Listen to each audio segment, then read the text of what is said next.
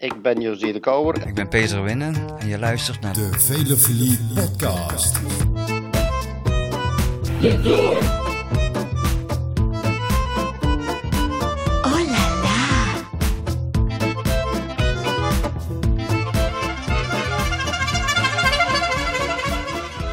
Vanuit. België, groeten José de Kouwer. Goedemorgen, middag en avond, beste wielervrienden en vriendinnen. Welkom bij weer een nieuwe Velofilie podcast. De tourbeschouwing nummer drie. Waarin we, ja, waar gaan we het eigenlijk over hebben?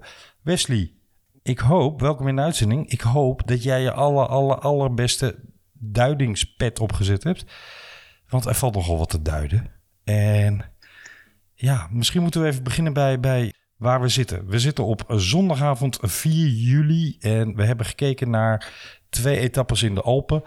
Waarbij ik nog steeds achter mijn oor aan het krabben ben van wat is hier in hemelsnaam allemaal gebeurd. Niet alleen letterlijk in de koers, maar ook gewoon alle verhalen eromheen. En misschien moeten we met zo'n verhaal eromheen even beginnen, want dat vond ik toch wel enigszins ontroerend. Namelijk een rijder van Quebeca Assos Dlamini, die eh, gevallen is in eh, de etappe van vandaag, rit nummer 9, op weg naar Tienje. En eigenlijk bezig was zijn jongensdroom te verwezenlijken, namelijk de Tour de France rijden. En door die valpartij zodanig buiten beeld van de Gruppetto eh, kwam... dat hij de Gruppetto nooit meer in zicht gehad heeft. En dus in zijn eentje het gevecht met de tijdslimiet aan moest gaan. En moet ik zeggen, die eh, dat gevecht ruiterlijk verloor. Hij kwam op anderhalf uur binnen. De finishboog was volgens mij al afgebroken. Zag ik op de beelden.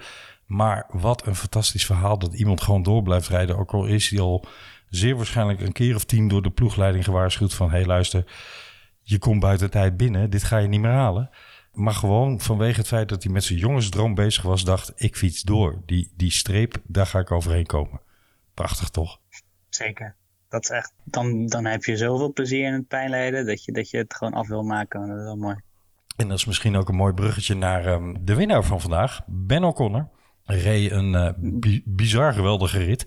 En die gaf in zijn interviewtje na afloop aan dat hij de laatste kilometers bezig was met het controleren van zijn hartslag, zijn ademhaling, maar ook zijn gedachten. Want hij zei iets als: When you start realizing you're winning a tour stage, that's such a huge moment that can do anything. Nou, hij zei niet uh, mess up uh, your, your body and mind, maar het kwam er wel op neer. En hij zei: Ja, op het moment dat je je realiseert dat je He, ook weer je droom aan het waarmaken bent, een toeretappe te winnen, ja, dan, dan kun je ook jezelf helemaal over de kop jagen. En dat was hij dus heel erg aan het beredeneerd aan het downplayen. Zo van blijf rustig, blijf kalm, blijf eten ook vooral. Jeetje, wat heeft die gast veel uh, jelletjes en reepjes weggewerkt. maar goed, hij heeft het meeste er ook wel weer uitgetrapt, heb ik zo de indruk. Maar dat was allemaal een mooie brug tussen de winnaar en de nummer allerlaatste vandaag. Die namelijk allebei zoiets hadden van een jongensdroom. Het bestaat ja, nog, die romantiek. Ja, die romantiek bestaat nog wel, ja. En uh, ja, wel, je, wel, ik wist het verhaal niet van die uh, Lamini. Wel, wel jammer, treurig eigenlijk ook wel. Dat hij dan uh, ja, eigenlijk wel gewoon goed genoeg is om zijn jongensdroom waar te maken. Maar dat hij dan valt en die gruppetto uit zich verliest. Ja, is toch ook wel weer een beetje tragisch. Voor hem zeker. Maar hij was niet de enige die vandaag helaas buiten zicht van de Gruppetto de deadline niet gehaald heeft. En hij was uh, in ieder geval zeker niet de bekendste naam. Want we hebben vandaag nogal een paar of non-starters of non-finishers of buitentijd finishers. De schade in mijn uh, Scorito-team is enorm. ik ben echt miljoenen kwijtgeraakt, kwijtgespeeld uh, vandaag. Amai. Uh, amai. Ik verloor achtereenvolgens Mathieu van der Poel, die niet ging starten. En toen Tim Melier onderweg, die dacht... Wow, het heeft geen zin meer, het is te koud, het is te ver, ik zit er doorheen. En vervolgens kwamen De Maar en Bouhanni ook nog eens buiten tijd.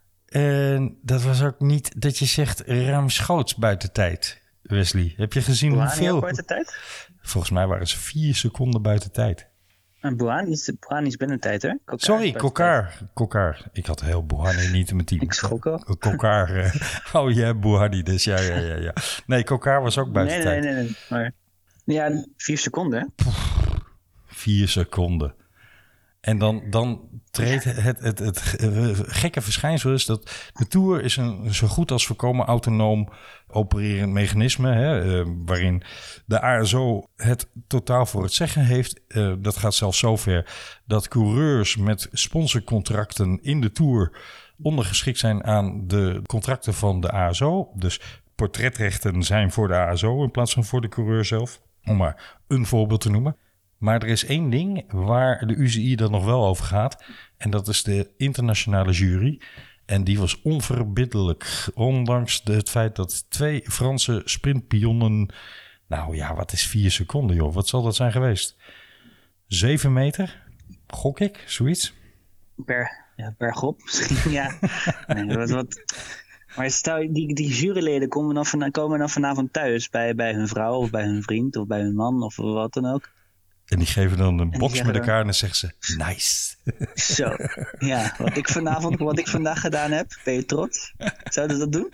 Ik uh, zou het niet weten, maar tegelijkertijd... Hoe, ja, hm, ja, je zit natuurlijk altijd met dat dilemma. Hè?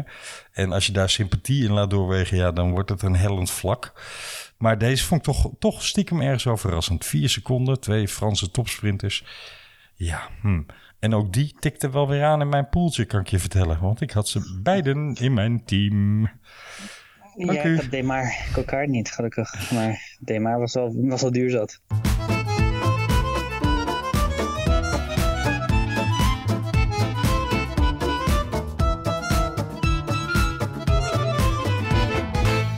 wij uh, de luisteraars dus meenemen vanaf het moment waarop we ze de vorige keer gedag hebben gezegd. En dat was na de tijdrit.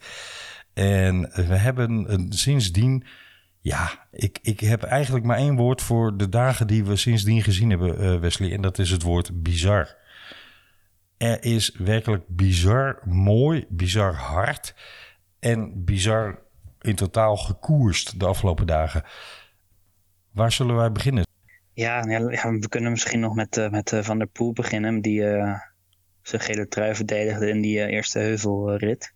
dat kan alleen maar Van der Poel. Maar dat, dat kan alleen maar Van der Poel. Daardoor we er ook niet meer echt verbaasd door zijn, toch? Toen ik las in de kopgroep zat.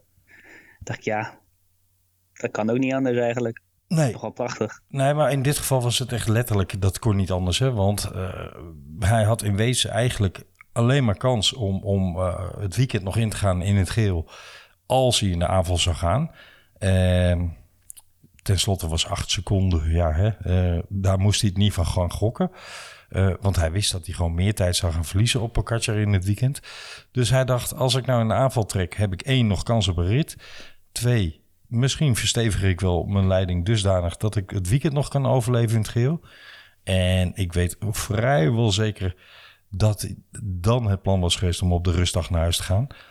Maar tegelijkertijd denk ik ook dat ze bij de ploeg zoiets hadden van laten we het gewoon dag van dag uh, bekijken. Want publicitair natuurlijk heel interessant. En bovendien zag je aan Van de Poel dat hij er gewoon elke dag meer lol in kreeg. Die was gewoon echt als een kind in de snoepwinkel bezig in die tour daar. En die dacht, hé, hey, verrek, dit is een leuk spelletje. Ja, maar dat, dat is echt zo. En het verbaast me ook wel hoor. Want hij was altijd zo van ja, dat wegwielrennen, dat is maar saai. En ik vind veldrijden en mountainbiken veel leuker. Maar hij heeft blijkbaar voor zichzelf wel gewoon een manier gevonden. Dat, waarop hij nu wel gewoon het wegwielrennen ook gewoon leuk en lollig en, en entertaining vindt. Ja, en hij nam er uh, vrijdag even, hoeveel waren het er? 28 man in mee, in de kopgroep. Die dachten, hey, ja. laten we meedoen aan het spelletje van Van der Poel. Uh, dat is leuk. Ja, van de Poel van Aert. Hè? Met, uh, de eerste twee uur, uh, Wesley, van die rit gingen in ja. gemiddeld 50 km per uur. Er zijn wel eens dagen dat ik dat niet haal. er zijn wel eens dagen dat mijn scooter dat niet haalt. ja, dat zeker. En, uh, het, het mooie was, Inmiddels zijn we dat als je zowel in het weer, het weer in Nederland bekijkt en, en in België hebben ze vandaag ook een pak regen en een pak onweer over hun dak gehad. Maar zeker ook als je naar de beelden in Frankrijk kijkt, zijn we alweer vergeten dat het vrijdag zo mooi was. Vrijdag was het gewoon bloedheet. En je zag gewoon die 28 man lijden met een grote L. Want het was zo bizar hard. En het, het, het was een spel van man tegen man Waarbij ja, er maar één echt koppeltje was. En terecht zeiden José en Michel daarvan... of ze nou in de winter in de cross bezig zijn... of dat ze in de voorjaarsklassiekers rijden... of dat ze in de Tour zijn... Het is en blijft een soort Siamese tweeling. En dat waren Van Aert en Van der Poel. En die hadden er lol in met z'n tweeën. Ik zat echt te genieten gewoon van die beelden. Ja, die, die waren echt met elkaar in de weer en aan het praten en aan het lachen met elkaar. Dat was echt wel... Uh... Ja, maar ook gewoon volle bakkoers, hè? Uh, want ze probeerden ja, ja. Van Aert probeerde Mathieu wel degelijk ook te lossen. Nee, precies. Maar die twee, die moet je straks over, uh, over 50, 60 jaar... Dan moet je die twee gewoon samen in een bejaardentehuis zetten. En ja, waar, zou, waar, zouden, waar zouden die het dan over hebben, denk je? Nou, wie er het eerste met zijn rollator aan het eind van de gang is. of 100 procent. Ja. ja. Nee, ja, die, die, die, ja, goh, die, die raken niet uitgepraat. Ik denk dat die dan van de leiding van dat bejaardentehuis te horen krijgen... Mathieu, Wout, nu stil, het licht gaat uit. ja, wie het eerst bij het licht is, zeker. Ja, het leuke van, van de manier van koersen. En natuurlijk zijn er meer renners in het peloton die dat ook hebben. Laten we Julien Alaphilippe zeker niet vergeten. Is daar ook een prominent voorbeeld van. Vorig jaar Hirschi in de Tour. En zo zijn er meer voorbeelden. Maar Søren Kragh Andersen vorig jaar in de Tour. Mensen, mannen die erin knallen en die gewoon denken... Um, om maar eens een uh, heerlijk Martsmeets uh, cliché aan te halen. De dood of de gladiolen. En die, die gewoon uh, zoiets hebben van... joh, ik zie wel waar het schip strandt. Zo komt het in ieder geval over. Er zal vast een hele koerstactiek zo... achter zitten... maar zo komt het wel over. Ja, als je zo vaak wint... wordt het ook wel wat makkelijker om, toch, om risico's te nemen natuurlijk. Dat moeten we niet vergeten. Heel veel renners zijn al blij dat ze één keer in een positie komen om een keer te winnen. Maar ja, als je dat 30 keer per jaar komt, dan kan ik me voorstellen dat het iets makkelijker is om uh, toch van iets verder aan te gaan. Er zijn uh, renners die uh, hun seizoen geslaagd vinden door de manier van rijden van Wout van Aert. Hè, als zij dat zouden hebben gedaan, prominent in beeld geweest. een belangrijke rol gespeeld in het klassement. Die zeggen dat, nou, geen onaardige tour gereden. Maar Wout van Aert trok vandaag op zondag 4 juli de conclusie. De eerste week is eigenlijk niet gelukt, want ik kwam hier om te winnen en om het geel te pakken. Nou, die twee doelen heb ik niet gehaald. En eigenlijk zei hij daarmee: Ja, nou, uh, leuk, leuk en aardig, maar uh, dit was niet waar ik voor gekomen ben. Je zou het voor minder hebben gedaan, de meeste. Ja, zeker de meeste wel. Maar goed, Van Aert krijgt ook wel betaald, meer dan de meeste. Maar nou ja, hij, hij is natuurlijk ook wel met een achterstand begonnen aan de Tour. Dus hij probeert te groeien. Wat denk ik niet helemaal gelukt is de laatste, laatste twee dagen door, door die inspanningen. Mm Maar uh, ja, ik denk dat hij nu even een paar dagen rustig aan gaat doen. En dat we aan het einde van de tour wel weer uh, een paar keer in de kopgroep gaan zien. En een tijdrit misschien wel. En uh, in, een, in een vies overgangritje. Misschien uh, komt Van der Poel dan ook opeens weer achter het gordijn vandaan. Wie weet. Weet je wat ik vanmorgen dacht? Ik zag de beelden van Mathieu die voor... Was het de Franse televisie of was het de tourorganisatie zelf... in zijn Alpecin Phoenix kit een interview gaf...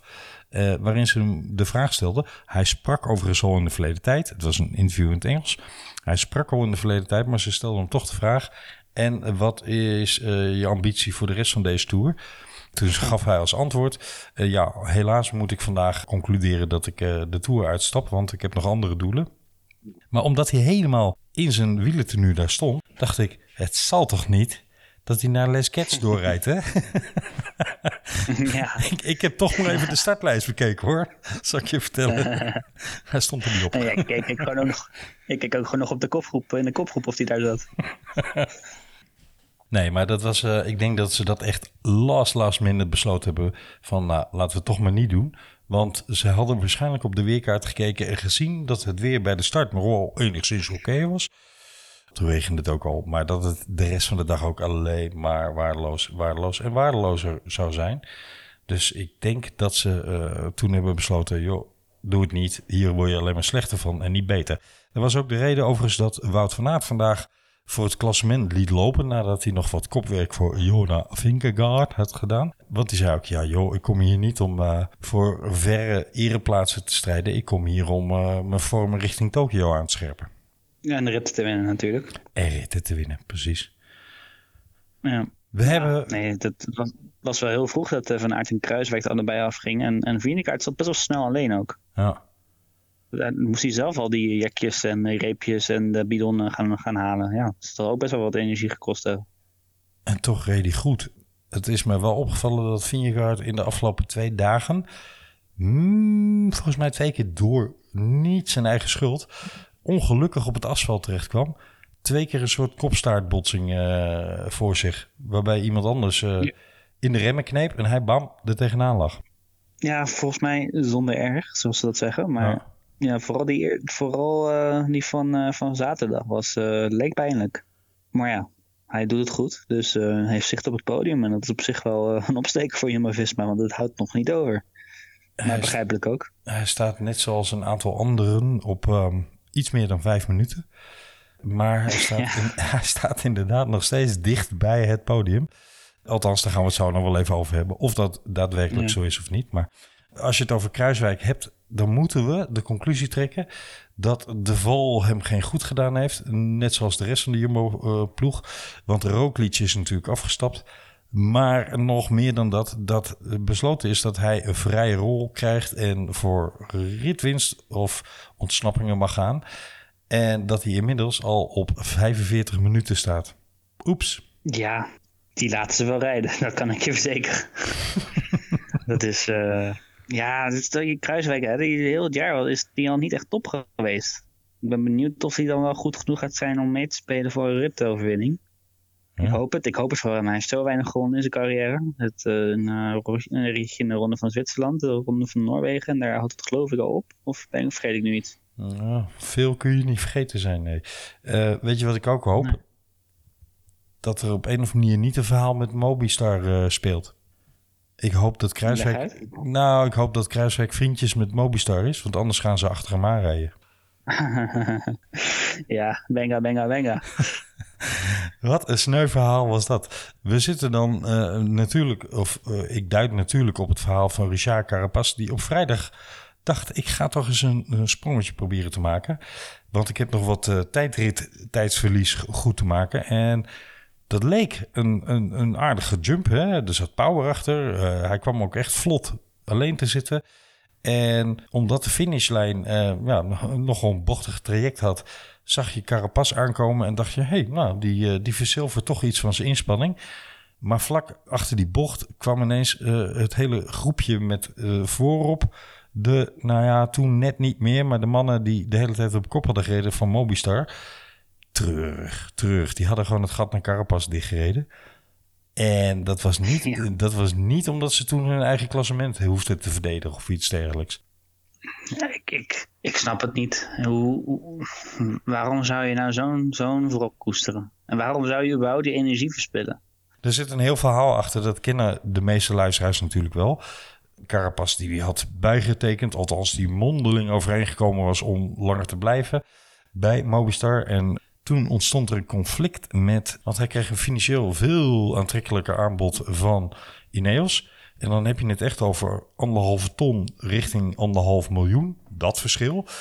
Maar dat nam Unzue, zijn manager, Aquadro, bepaald niet een dank af. En dat leidde tot een reusachtig conflict tussen die manager en uh, Mobistar, waardoor ja, ongeveer heel Mobistar leegliep. Op uiteraard één 41-jarige man na. En er een jaar lang geen enkel uh, ja, goed contract voor Mobistar te tekenen was. Inmiddels is dat conflict schijnbaar weer een beetje bijgelegd. Maar ze rijden dus gewoon dwars door het hernieuwde contact tussen die manager die zo belangrijk is geweest. Ook voor de scouting. Hè. Die heeft in het verleden figuren als Nairo Quintana en zo naar Mobistar gebracht. Maar ze rijden dwars door het hernieuwde contact heen. Gewoon in de Tour weer keihard achter Carapaz aan. Echt. het maakt wielrennen overigens wel schitterend. Hè? Want het zijn deze verhalen in het verhaal... die, ja, als je dat niet in de smies hebt... dat je denkt, ja, wat is hier nou gebeurd? Die Carapaz, die was toch weg? Ja, die was ook weg. Maar die, uh, die werd even teruggehaald. En wat zou die, die renners van Movistar zelf denken op het moment dat die uh, ploegleider scheelt in een oortje van uh, achter Carapaz aan met z'n allen? Ik denk dat ze dan denken, hè, hè eindelijk zeg je het. ik, uh, ik, ik weet vrijwel zeker dat die, mm, al hebben ze geen enkel ander doel meer te behalen in deze Tour, nog steeds één missie hebben. En dat is Carapaz wint de Tour niet, zeg maar. Je kunt, je, Quintana wint geen rit. nee, precies. Je kunt maar beter eh, vriendjes in het peloton hebben, dat blijkt maar weer. Conclusie van vrijdag. Mathieu reed een bizar mooie etappe samen met zijn 28 mede-ontsnapte. En ja, toen leek het nog eventjes alsof het spannend kon gaan worden. Want hij pakte toch nog een beetje voorsprong op de heer Tadej Pogacar. En toen gingen we zaterdag de Alp in. En toen was de tour klaar. toen was de tour klaar. Sloes over out. Ja, Ja. naar huis. Joe.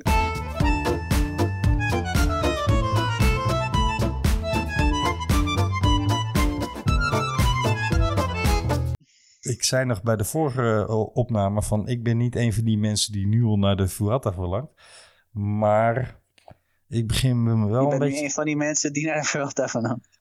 Zullen we zaterdag eens gewoon, gewoon de etappe concluderen? Want iedereen heeft het wel gezien. En zo niet, dan moet je het maar even terug gaan kijken. Want het was een prachtige etappe.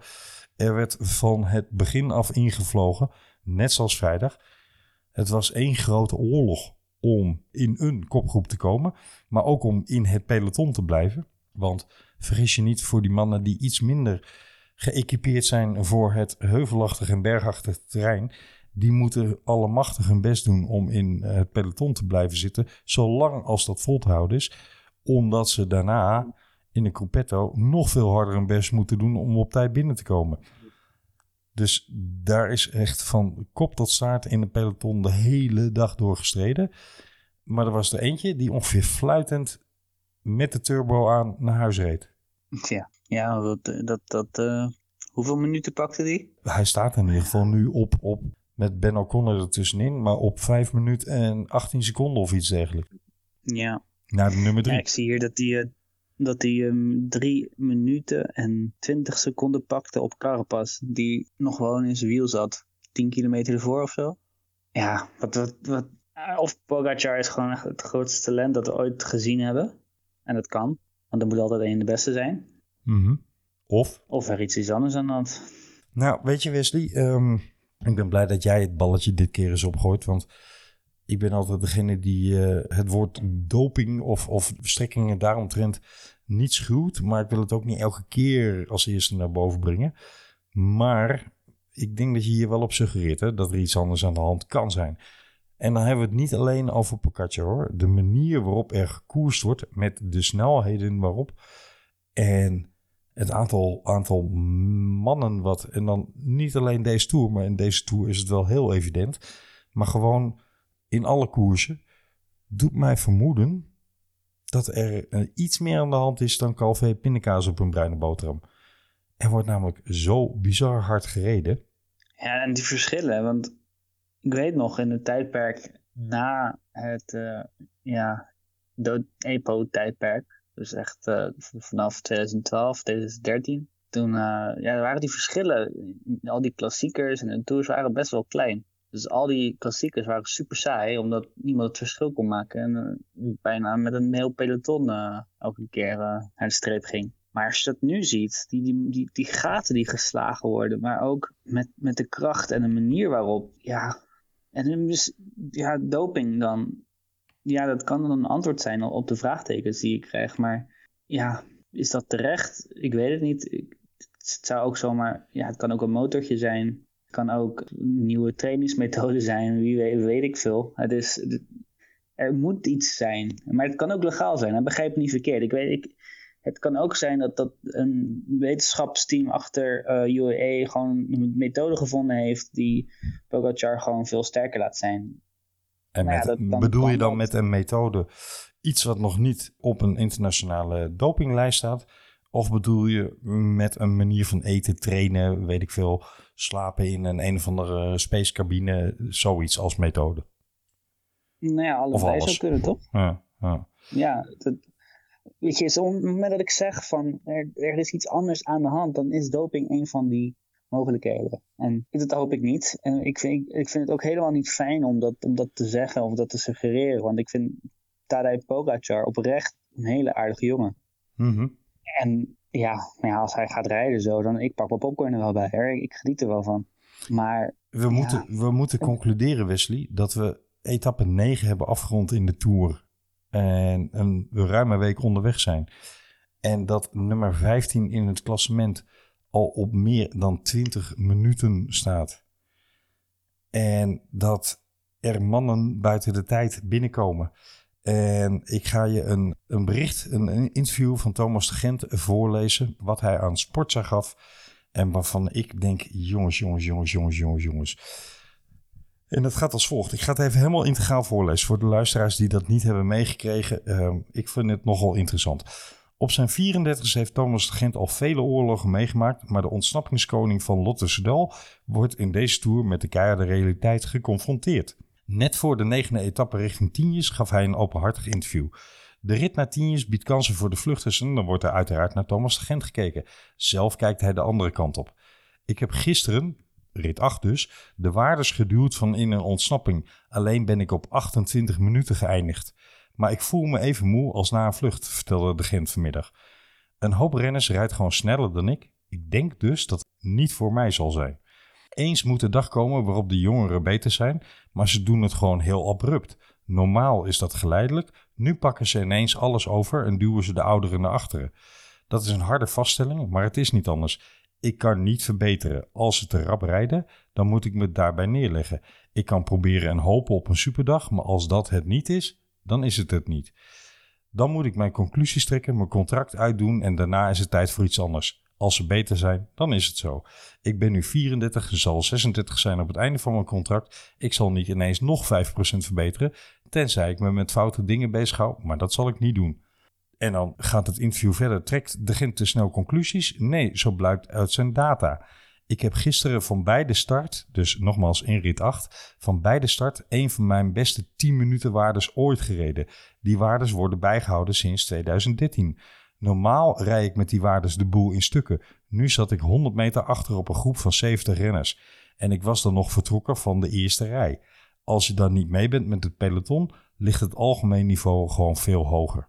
Ja, ja dus ja, wat, wat, het bevestigt eigenlijk wat ik, wat ik net zei, toch? Er een reden moet zijn voor, voor deze niveauverschillen. Thomas de Gent, die was het twee jaar geleden dat hij gewoon nog uh, Anna Philippe en Pinot achter zich uh, hield. Ja alsof het, eh, alsof het niks was uit, uit een ontsnapping. En dan nu met een van zijn beste waarden ooit. Dan niet bij de beste 70, 80, 90 renners hoor. Nee, ja. in plaats van te ontsnappen wordt hij gewoon gelost. Terwijl hij dus zijn beste waardes rijdt. Ja, ja, Nou, nou kun je daar natuurlijk ook de conclusie aan hangen. De rest is geëvolueerd, maar Thomas de Gent is blijven stilstaan.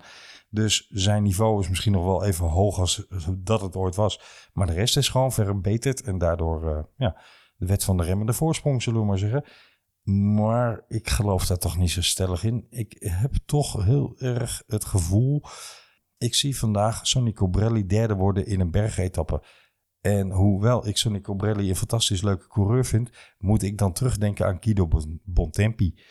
Ik zie mannen vandaag, Colombiaanse klimgeiten, vandaag in een kopgroepje zitten. En vervolgens gigantisch op zoek naar muntjes voor de parkeermeter. Want die stonden helemaal geparkeerd. Als ik het zo doe, word ik weggesleept. Wat, wat is hier aan de hand? Ik bedoel, twee Colombianen, de een jong, zou nog kunnen, de ander buitengewoon ervaren. En dan heb ik het natuurlijk over Hikita en over Nairo Quintana, die allebei een ramp van de honger tegenkomen. Ik weet het niet hoor. Ben nou O'Connor.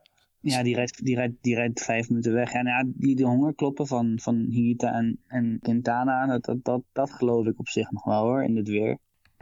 Dat, dat O'Connor dan uh, zo ver bij wegrijdt. Nee, oké, dat is misschien nog wel een ander, ander uiterste, maar... Nou ja, ze stonden volledig geparkeerd. Dus dat, dat geloof ik dan ook nog wel. Maar het, ik, ik vind het raar dat het twee van de drie mensen uit de kopgroep gebeurt. Uh, het kan inderdaad, hè, met deze kou, met deze vieze, natte omstandigheden. We hebben natuurlijk Mathieu op het WK in, um, in Engeland in ieder geval hebben we hem ook zo gigantisch zien ontploffen. Het kan, absoluut. Maar als je deze ook leest, Daniel Lloyd twittert... According to the file he uploaded to Strava, Ben O'Connor had an actual average power. Dus niet een uh, genormaliseerde wattage, maar een actual average power of 313 watt voor 4 hours, 37 minutes and 32 seconds. with 21 minutes at 406 watts to make the early break. En hij concludeert, I have decided not to make a comeback. dat snap ik wel. Dit is de winnaar. En van het Strava, of van de uh, fietscomputer van Kees Bol, dat twitterde Thijs Sonneveld, konden we aflezen dat als je in de Corpetto zat, dat je een genormaliseerd wattage van 304 watt nodig had vandaag.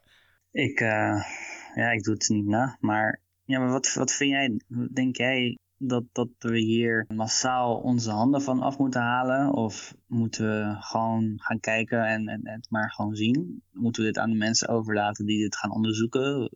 Moeten we de antidopingbureaus vertrouwen dat ze er vol bovenop zitten? Nou, dat laatste is sowieso een conclusie die je niet kan en mag trekken. Simpelweg omdat de uh, budgetten van bijvoorbeeld het WADA dusdanig teruggeschroefd zijn de laatste jaren.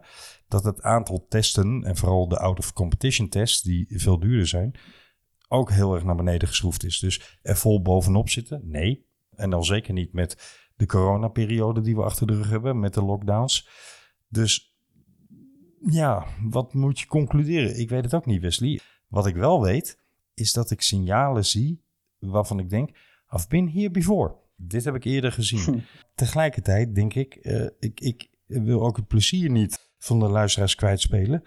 Ik heb er namelijk ook ontzettend veel plezier in. Hoewel ik elke dag de afgelopen dagen bij mezelf denk: wanneer zou hier een boek over verschijnen? Um, ik heb onlangs het boek, ik heb het in de vorige uitzending gezegd, de Raboploeg gekocht. En ik ben vol interesse aan het lezen hoe en wat en wie en waar. Ja, en eigenlijk vul ik mijn potje voor aanstaande boeken die ik in de toekomst moet gaan kopen, maar weer aan. Want ik denk wel dat er een paar zullen gaan verschijnen. Maar tegelijkertijd, man, man, man, man, man, man, man. Heb ik ooit zo'n prachtige eerste week in de Tour gezien? Nee. Nee, precies. Het is, een... Uh, ja, het een sluit het ander zeg maar niet uit. Uh, als er doping genomen wordt of als er op een bepaalde manier renners veel beter worden, dat betekent dus niet dat de kijkers daaronder te lijden hebben. Integendeel zou ik eigenlijk willen beweren. Nee, maar dus... nou ben je misschien dan in dat opzicht net zo liberaal als ik uh, ben. En voordat je gaat stijgen, ik ben niet liberaal, bedoel ik liberaal in je blikveld op hoe geniet je van de wielersport of ben je een moraalridder eerste klas. Ik ben het allebei. En ik vind ook dat dat verenigbaar is. Er is geen periode in het wielrennen geweest, of in het nou in de jaren 40, 30, 20, 10 of 0 van de vorige eeuw, of de jaren 50, 60, 70, 80, 90 of 0 van deze eeuw neemt, er is geen periode geweest waarin er niet mensen met doping bezig geweest zijn in het wielrennen. Heeft dat gemaakt dat ik niet van wielrennen hou? Nee, absoluut niet. Ik vind het de mooiste sport die er is. En ik heb er al, al 40 jaar vol belangstelling voor en kijk er en luister daar en lees daar met alle liefde en plezier over. Dus de een staat voor mij in ieder geval, het ander niet in de weg. Maar wij zijn daar misschien liberaler in dan de meeste mensen die daar iets rechtlijniger of iets zwart-witter in zijn. Ja, omdat het dan ethisch niet, niet verantwoord is om, om vals te spelen. En dan, weet je, dat snap ik ook wel. Ik snap het ook wel dat je niet naar een show op tv wil kijken waarvan je niet weet wat het nou eigenlijk is. Dat idee heb ik trouwens ook over Formule 1, maar dat terzijde. Om maar niet alle Max Verstappen fans hier uh, boos te maken. Het is gewoon een hele lastige kwestie. Want weet je, mij, eigenlijk kan het mij helemaal niet zo heel erg uh, schelen. Of Pogacar nou aan, de, aan tien, uh, tien spuiten met Ebo zit. Of, of, of niet. Ik, kijk wel. Maar ja, je hebt inderdaad ook mensen die het wel kwalijk vinden. En dat gaat het wel ten koste van wielrennen en de sponsorinkomsten en ja, et cetera, et cetera. En dan komen we, krijgen wij uiteindelijk ook weer de rekening. Dus ja, ik vind hem lastig deze. Uh, omdat uh, het valt niet te bewijzen. Wij zitten ook maar een beetje te speculeren aan de zijlijn. Maar er zijn wel zoveel signalen. Zo'n interview met Thomas de Gent vind ik wel veelzeggend. Doet mij onmiddellijk terugdenken aan de jaren 89, 90, waarin Craig Lamont letterlijk uit de dood herrezen, zo ongeveer. Tot twee keer toe de Tour de France won. Eén keer de meest legendarische Tour ooit. Namelijk de acht seconden verschil met Laurent Fignon. En het jaar daarop in een dominant fashion noemen ze dat in het Engels. Nog eens en toen in 1991 zo verschrikkelijk naar huis gereden werd door kerels die gewoon 20 kilo zwaarder waren dan hij. Dat er bij hem ook wel een belletje ging rinkelen en hij dacht, hmm, Ik denk dat mijn toekomst erop zit. Hij deed er nog twee jaar over om tot de definitieve slotstand te komen dat hij moest stoppen. Maar dat was pijnlijk om mee te maken. En pijnlijk om te zien hoe een zo groot kampioen ineens achteruit reed in een peloton wat vol gas aan het doorstomen was. Het deed mij denken aan wat ik gisteren met Geraint Thomas heb gezien. En dan kunnen mensen zeggen, ja, die is gevallen, die is niet goed. Maar die zat vandaag gewoon weer bij de eerste 20. Kan, kan. Maar het fluctueert zodanig dat ik denk, hè, hoe dan? Als, je, als je gisteren niet kon volgen en al op het eerste de beste klimmetje gelost wordt, omdat je lichaam op slot zit, dan heb je of een geweldige massage gehad gisteravond, of een heerlijk bord pasta gegeten, of ja, of wat. En dat is de vraag. Hè? En dat, dat, dat maakt dat ik op mijn hoede ben. Ehm, tegelijkertijd, ik heb elke dag staan springen en juichen voor de televisie. Omdat het een geweldige tour tot nu toe is. En ook al staat ongeveer op Ben O'Connor na iedereen op vijf minuten en meer. Het is, het is spannend. Het is elke meter spannend. Het is elke meter interessant omdat er zoveel dingen in de koers gebeuren ja, dat, dat is dus ook waarom ik ook nog wel gewoon uitkijk naar de rest van de Tour. Ik ook. En sluit jij uit dat Pogacar straks een verschrikkelijke inzikking krijgt en uh, Kelderman een Tour wint? en voordat mensen nu gaan zeggen ja, en dan ben je natuurlijk helemaal voor, dan ben je hypocriet. Nee, dan zou ik net zo goed mijn vraagtekens kunnen hebben bij, uh, ja, hoe, hoe komt die prestatie tot stand? Maar ik geloof er niet in. Nee, ik denk dat uh, heeft laten zien vanaf het moment dat hij in de World Tour meedraait, dat hij juist heel erg goed richting het einde van drie zware weken kan zijn. Zagen we in de Vuelta, zagen we vorig jaar in de Tour. Dus ik geloof dat niet. Of hij moet malheur tegenkomen als het asfalt eh, door valpartij van anderen of wat dan ook. Zoiets zou kunnen. Maar als het gewoon puur over vormpeil gaat, denk ik dat, uh, dat dit een gedane zaak is. Wel is de koers daarmee nog niet voorbij. Want we zagen het vandaag al gebeuren. En dat vind ik nog wel interessant om even door te nemen.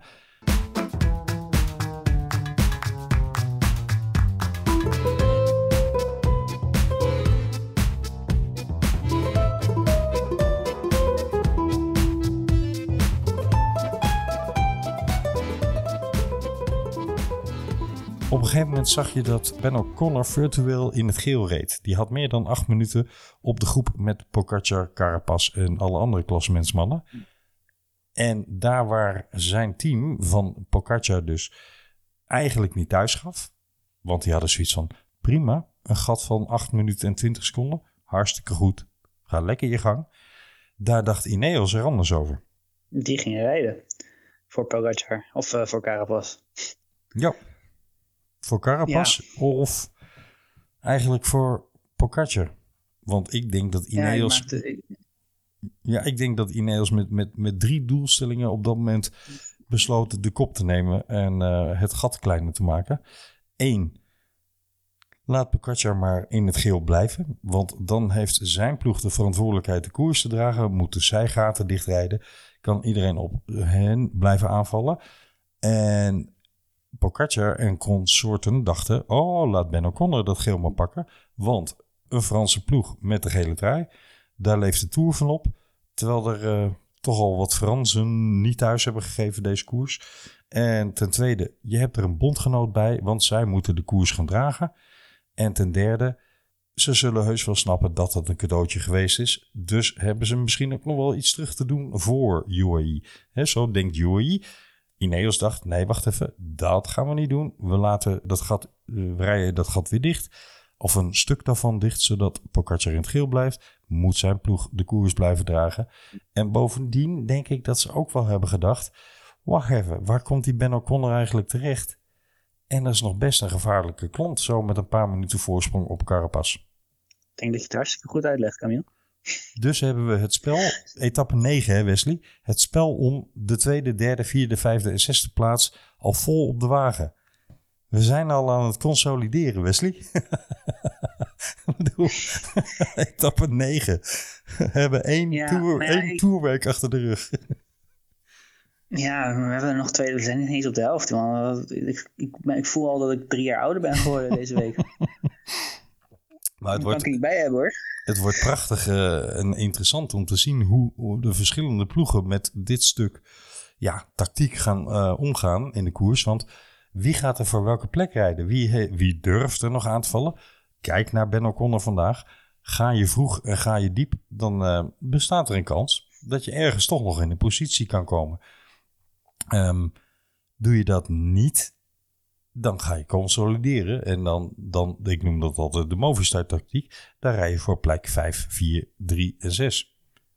En dan rijdt iedereen elkaar aan gort. En Pogacar zit daar lachend tussen. Ik denk eerlijk gezegd dat Ineos vandaag ook wel ging rijden omdat ze dus voelden dat UAE niet dichterbij kwam en het tempo niet verhoogde. Dat ze misschien ergens heel stiekem een heel klein beetje, heel ergens ver in een hoekje hoopten dat Pogacar een mindere dag had. Ja.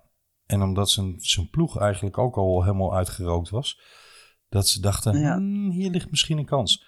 Nou, dat bleek wel even uit de poging die eh, Richard Carapaz deed. En toen was het eh, slam, bam, thank you ma'am. Want die kwam er niet eens voorbij. het leek wel alsof hij een lead-out aan het doen was voor, eh voor Pogacar. Ja. En die aanval van Pogacar ook wel. Die naar Armstrong keek in eh, 2003, geloof ik, terug naar Ulrich. Maar toen Pogacar nu naar Kelderman keek, dat was echt een... Hij keek niet, hij observeerde Kelderman en hij... Ja, ja toen ging hij maar. Hij dacht, ja, als jullie toch niet naar mijn wiel komen, nou dan, dan doe ik het maar. Als jullie dat zo graag willen. En hij, reed, hij, rijdt, hij rijdt in drie minuten tijd, rijdt hij nog een half minuut weg of zo. Nou, ehm, deed Lance Armstrong het zeker, maar ik heb het in het verleden ook wel eens gezien bij bijvoorbeeld Bjarne Ries. Nou, die deed trouwens ook om dezelfde reden. Die deden het uit een soort van eh koerstactiek, maar vooral een koersarrogantie. Hè? Zo van laten zien, ik kijk jou recht in je ogen en ik telefoneer alvast. Hey, let op wat er nu aan gaat komen. En dan knalden ze erop en erover. Dat zag ik eigenlijk ook wel een beetje bij Pogacar. Het was iets minder overtuigend. Het was iets minder arrogant. Maar het was wel degelijk zo van... eh, eh, ja, een beetje zoals eh, Chris Froome in de Tour van 2012 naar Bradley Wiggins omkeek. Zo van, waar blijf je joh? Ja, daar, daar leek het inderdaad op, hè, dat hij dacht van, yo, komen jullie nog? Ja, ik, ik rijd nog met de handrem op. Nu- ja, nu vraag ik me wel af of het arrogantie is bij Pogacar of echt gewoon verbazing oprecht. Ja, dat ligt eraan waar het vandaan komt, hè? Ehm, we gaan het een andere keer eens hebben over, over de achtergrond. En dat is de reden waarom ik hier ook wel een beetje aan twijfel. De achtergrond hebben van Team UAE, waar eh, Mauro Gianetti een van de managers is. En ehm, ja, de lijn Mauro Gianetti, Saunier Duval, Kobo, Piepoli. Nou, ik kan een hele rij namen noemen waarvan iedere wielervolger zegt... Oh ja, oh die. Nou, Ricardo Rico, Rico, Menchov, Miller, Ivan Mayo, Piepoli, Gomez Marchante. Carlos Sastre, Gilberto Simoni. Nou, dan hebben we toch wel Joseba Bellocchi. Dan hebben we toch wel een aantal namen waar, nou ja, iedereen zijn conclusies uit mag trekken. Bovendien heeft diezelfde eh, Mauro Gianetti natuurlijk een, eh, een behoorlijk niet onbesproken verleden. Door zichzelf met PCB het ziekenhuis in te jagen. En zichzelf letterlijk een coma in te dopen. Dat is de manager van UAE. En dat maakt toch wel dat ik hier op mijn hoede voor ben. Gaan we de rest van de tour over dit onderwerp doorzeuren? Nee, gaan we niet doen, beste luisteraars. Want ik vind, dit moeten we één keer benoemen. Zodat iedereen weet, nou ja, we kijken wel degelijk kritisch naar wat hier gebeurt. Maar tegelijkertijd willen we ook gewoon van de koers genieten. En zolang je niks kan bewijzen, is het ook alleen maar rook en geen vuur. Dus we gaan er verder ook niet, eh, niet over door. We gaan wel over de Tour door, want er staan een paar heerlijke etappes te wachten. Alleen niet voor mij, want ik ben zo'n beetje mijn hele sprintersgilde kwijt. Ik heb Colbrelli, maar dat schijnt een klimmer te zijn nu. Dus. ik had hem vandaag niet opgesteld. Ja, Nee, ik kan ook niet. nemen. Wie wel? Nee. Ja, Hij wordt gewoon derde in de etappe, hè? Oh, jongens, Ja. jongens, jongens, jongens. Ja. Nee, van de week had ik Casper Askreen niet opgesteld. En dat was nog wel een tactisch foutje. Kun je nog van zeggen, Ja. nou, stom, had je erbij moeten hebben. Was weliswaar een luxe keuze nog op dat moment, maar toch. Die werd toen vijfde in de etappe, dus daar miste ik wat punten.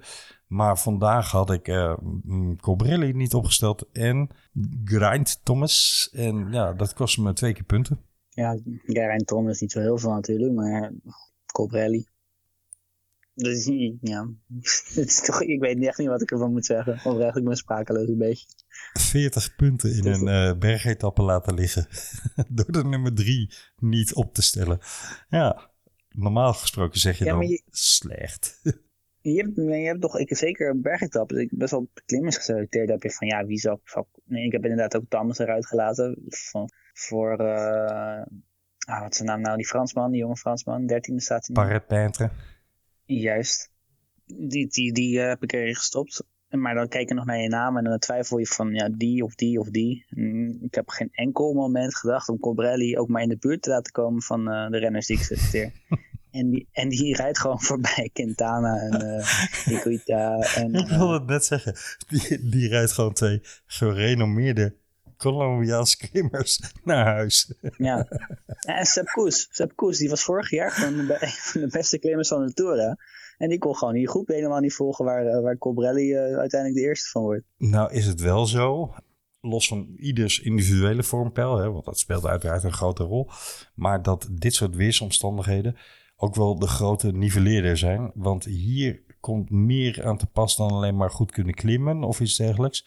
Het is een beetje zoals, uh, jij trok die analogie al eerder in de uitzending en ik, ik trek hem door. Um, zoals het bij Formule 1 zo werkt, dat als je auto heel erg goed is in, op, in het drogen, uh, op een droog circuit, dat het met een nat circuit ineens een heel ander stel vaardigheden vergt om daar goed te kunnen rondracen. Nou, dat geldt voor wielrennen eigenlijk precies hetzelfde. En als het dan ook nog eens zo bizar koud is, want op sommige stukken van het traject was het gewoon maar 3 graden ja, dan, uh, dan komt er een ander paar mouwen aan te pas. Dus dat kan ook nog wel eens een uh, element hebben gespeeld hè, in, in waarom Sonny Cobrelli Nairo Quintana voorbij reed. Ja. en hoe? We zullen het maar geloven en uh, beamen. Ja. We gaan de rustdag gaan wij ook eens gebruiken om te herbronnen. En dan gaan we de tweede tourweek in ja, met een aantal hele mooie etappes, waaronder... Twee keer ervan toe. Twee keer ervan toe. Ik heb er ongelooflijk veel zin in. En ik zit me nu al af te vragen... Zou Pogacar op de eerste, zou Pogacar op de eerste keer van toe al gaan? Ik vraag me af waar Colbrelli gaat. ja. ik, ben... benieuwd hoe ver hij in, eh, in het GZ gaat komen. We gaan het allemaal zien. Zou die boven Kruiswijk uitkomen? Dat staat hij volgens mij al. Ja, we, gaan het, we gaan het allemaal zien en beleven, beste luisteraars. En dat kunnen jullie met ons doen. En wil je daar nou niks van missen, abonneer je dan op Velofolie Podcast in je favoriete podcast grabber of via Spotify of Apple Podcast. Maar je kunt ook gaan naar www.vriendvandeshow.nl. Zei ik er de vorige keer niet bij, maar dat mag misschien wel duidelijk zijn hè www.vriendvandeshow.nl slash velofilie. En als je dat doet, dan kun je op die pagina abonneren. Krijg je automatisch alle nieuwe afleveringen gedownload. En je kunt daar commentaar geven op een uitzending. Of als je iets wil aanvullen of iets op te merken hebt, kun je dat ook daar kwijt. En vind je het nou hartstikke gezellig en leuk wat wij maken, dan kun je dat ook laten merken met een donatie. En met jullie donatie kunnen wij deze podcast blijven maken en kunnen we daar ook weer prijsvraagjes en presentje aan gasten die we in de show hebben aan toevoegen. Dus onze dank daarvoor is groot. Wesley, ook mijn dank aan jou voor het mede-analyseren van uh, deze bizar en bizar mooie allereerste toerweek van 2021. We gaan nog twee van dit soort heerlijke weken tegemoet. Wat een feest. Zeker analyseren, ja, we doen ons best, hè. Maar er zijn dingen die we misschien niet kunnen verklaren. Laten we het daarop houden er zijn zeker dingen die, uh, die zelfs onze wielenpet te boven gaan. Of misschien wel juist onze wielenpet te boven gaan. Als je nou denkt, beste luisteraar, jongens, jullie zien iets volkomen over het hoofd. Laat het ons weten. Je kunt namelijk ook op www.vriendvandeshow.nl slash velofilie een voicebericht inspreken.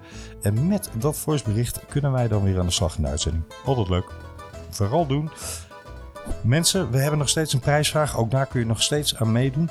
Die prijsvraag is heel simpel: wie wint de tour?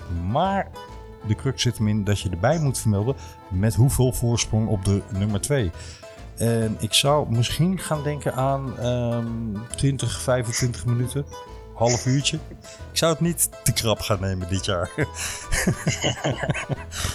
Enfin, stuur je oplossing. Wie gaat de Tour winnen en met hoeveel minuten en seconden voorsprong naar veleveliepodcast.gmail.com En dan kom je in aanmerking voor een heerlijke fles Amarone Italiaans mooi rood.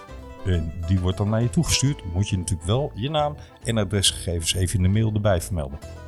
Leslie, merci à vous. De rien. We gaan eh, denk ik maar Vive le Velo eh, kijken. Hè? Eh, zal het al Vive le Velo geworden zijn? Of is het nog steeds Studio Sport? Zeg? Voor mij is Vive la Scriptie. Dus eh Succes daarmee. Ik spreek jou van de week weer. yo, dankjewel. Hoi hoi. Hoi.